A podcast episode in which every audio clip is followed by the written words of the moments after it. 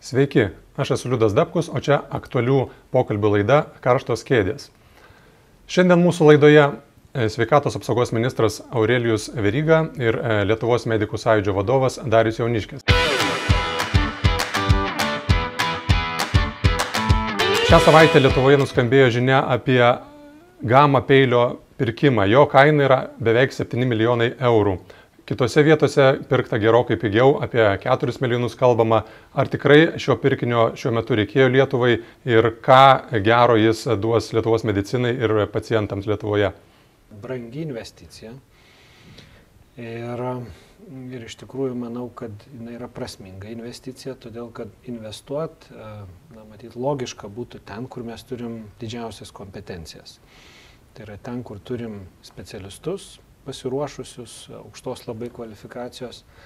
Kalbate ir, apie neurochirurgus, turbūt. Taip, ir, ir ten, kur Lietuva gali ne, pajudėti labai reikšmingai į priekį ir, ir tapti na, kompetencijos centru nebūtinai Lietuvai. Bet yra ir kitos technologijos, pavyzdžiui, linijinis greitintuvas, kuris kainuoja daug pigiau, o e, tas gama peilis operuoja tik tai galvą, kaip aš suprantu. E, Sudėjus visus kaštus ir paskaičiavus, kiek e, žmonių per metus galima būtų aptarnauti, sakysime, apie 300, panašu, kad operacija išdalinus e, aptarnavimo mokesčius, e, radiacijos šaltinio keitimo mokesčius bus apie 60 tūkstančių eurų žmogui. Tai ar čia nedaugoka, kaip jums atrodo? O kiek mes vertinam gyvybę žmogaus arba jo funkcijos praradimą? Tai linijinis greitintuvas apie kurį jūs kalbat taip tai yra daug pigesnė technologija bet jinai nėra tokia tiksli. Ir ir kaip jūs teisingai ir paminėjot gama peilis yra pirmiausia naudojamas neurochirurgijoj ir smegenų chirurgijoj. Tai yra na taip paprastai paaiškinant žmonėm ne ne tuo įprastiniu operaciniu būdu bet pasinaudojant gama spinduliais yra sunaikinami dažniausiai onkologiniai židiniai metastazės galvos smegenyse ir tikslumas yra labai didelis. Aš čia noriu paklausti pono Jauniškio, kaip jums atrodo vis dėlto uh, tas judėjimas Kauno link, ar čia nėra kažkokia diagnozinė situacija, kada Kaunas tampa viso ko centru, gal dėl to, kad ministras iš, iš, iš, iš tos pusės.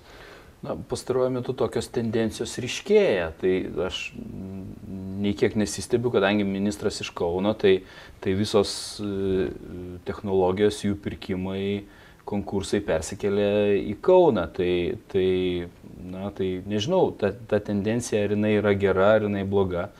Manau, kad e, Kaunas su Vilnium kuo puikiausiai gali bendradarbiauti, kaip gali bendradarbiauti Baltijos šalis, pavyzdžiui, kalbant apie tą patį gamą peilį, kodėl, sakysim, nesi, ne, ne, nesusijungti kartu ir, ir, ir kažkiek tai suinvestuoti kartu į tą patį aparatą, kadangi jisai tikrai labai brangus ir jisai atsiperka tik tuo met, jeigu jisai padengia 10 milijonų žmonių teritoriją. O gal jūs žinot, kas yra to konkurso nugalėtojas e, šiuo atveju?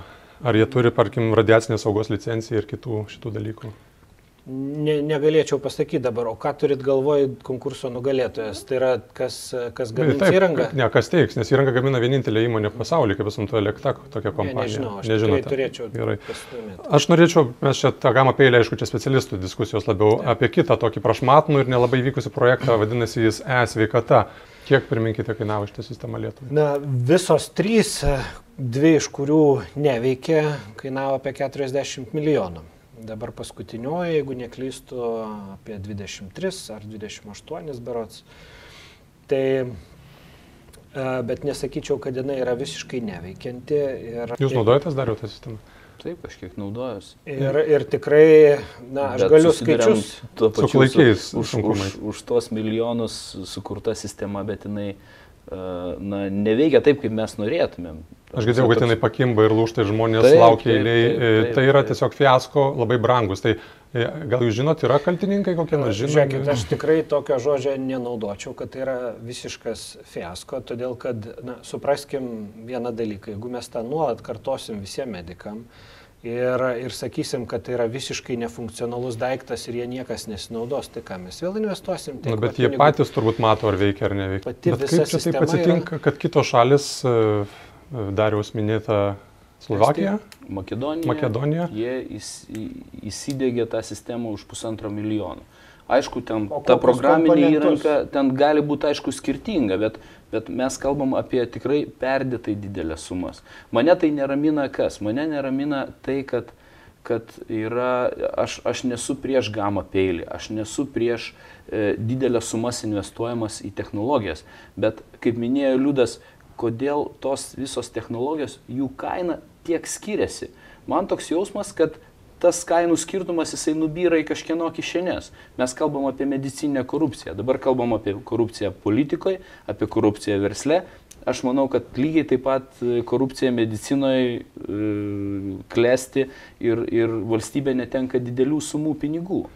Jūs teikite duomenys kaip ekspertas Pasaulio sveikatos organizacija apie lietuvių išgeriamo alkoholio kiekį, o, e, kuris nebesutapo staiga su statistikos departamento daugelio metų duomenimis, o paskui tapęs ministru pradėjote tą alkoholio e, kontroliavimo e, kampaniją, e, kuriai pavykus ar nepavykus pagal jūsų idėją, tie rodikliai turėtų grįžti ankstesnius e, e, parametrus, tai jūs kaip ir būsite taip dviem įimais į priekį, ar čia netaip aš įsivaizduoju viską? Ne, iš tikrųjų netaip ir galiu labai drąsiai paneigti, labai keistai žmonės įsivaizduoja, kad koks nors vienas ekspertas pateikia savo duomenį, nesvarbu, jis aktyvus ar, ar pasyvus. Pasaulio sveikatos organizacija turi savo metodiką ir šiandien jinai pagal ją skaičiuoja, nesvarbu, kad aš tų duomenų jau dabar tikrai niekam ir pateikti negaliu, net jeigu ir norėčiau. Tai ir ten mums visą laiką kyla klausimų ir, ir diskutuoja ir su tom pačiom valstybinėm institucijom pasaulio sveikatos organizacija, bet jinai taip skaičiuoja, jinai turi savo metodiką.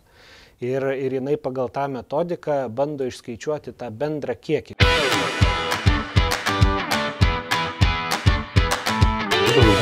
Ramūnas Karbauskis pernai tokia irgi išmetė gana žiaurę statistiką apie vaikų e, kepenų cirozės protrukį. Paskui jis buvo prašomas kaip ir patvirtinti, kad 12 mečiai serga šitą lygą, kuria susirgama ilgai ir e, sistemingai geriant Ar jūs turite tos duomenys, ar, ar jūs manot, kad čia vis dėlto buvo persistengta? Vėl, mato, čia yra skirtingi dalykai. Kas skaičiuoja paso suvartojimą ir kur yra cirozių ar ten kažkokiu lygų atvejai, mes juos galim, kada tik norit, ištraukti iš sistemos, nes tai yra konkretus atvejai. Ir pasakyti, kiek jų yra, kiek yra gydyta su tokia diagnoze, tai šitą statistiką mes turime labai tikslę. Nors ir buvo prašoma. Nežinau, manęs niekas neprašė tokių duomenų. Tai vat vienas iš irgi išlaidų medikų, kalbant apie jų tobulinimus kursus, privalomas dalykas. 90 procentų atveju daroma mokamų arba nemokamų sąskait, atostogų sąskaitą už savo pinigus.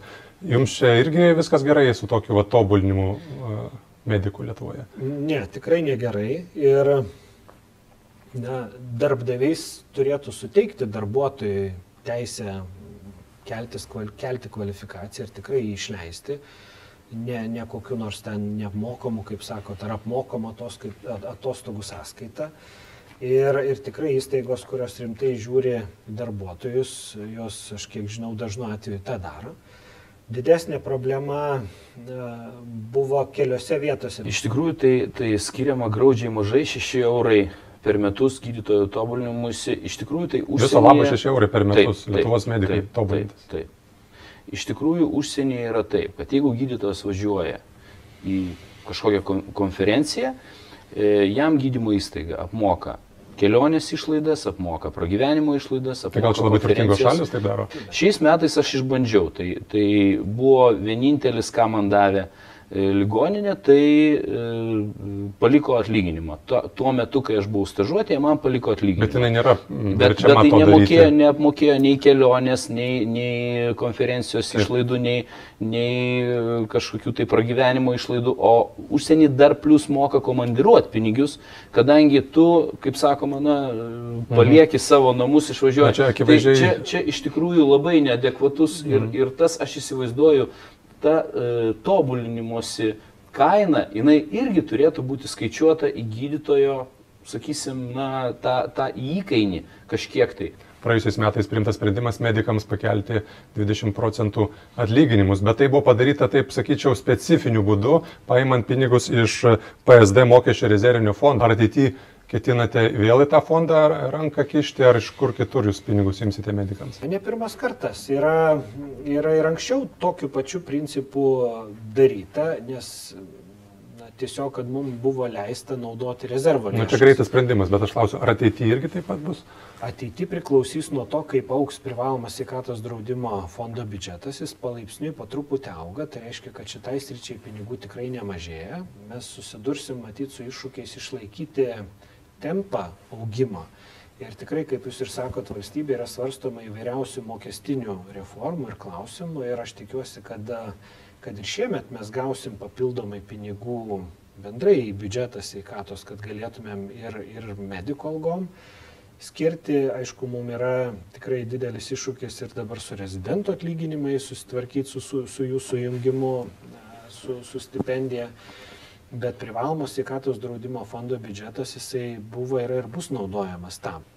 Aišku, ačiū Jums už pokalbį, ačiū ministrui Verygai, ačiū Dariu Jauniškiui. Čia buvo Laisvės televizijos laida Karštos kėdės, aš esu Liudas Dabkus, ačiū, kad žiūrėjote, iki kitų kartų.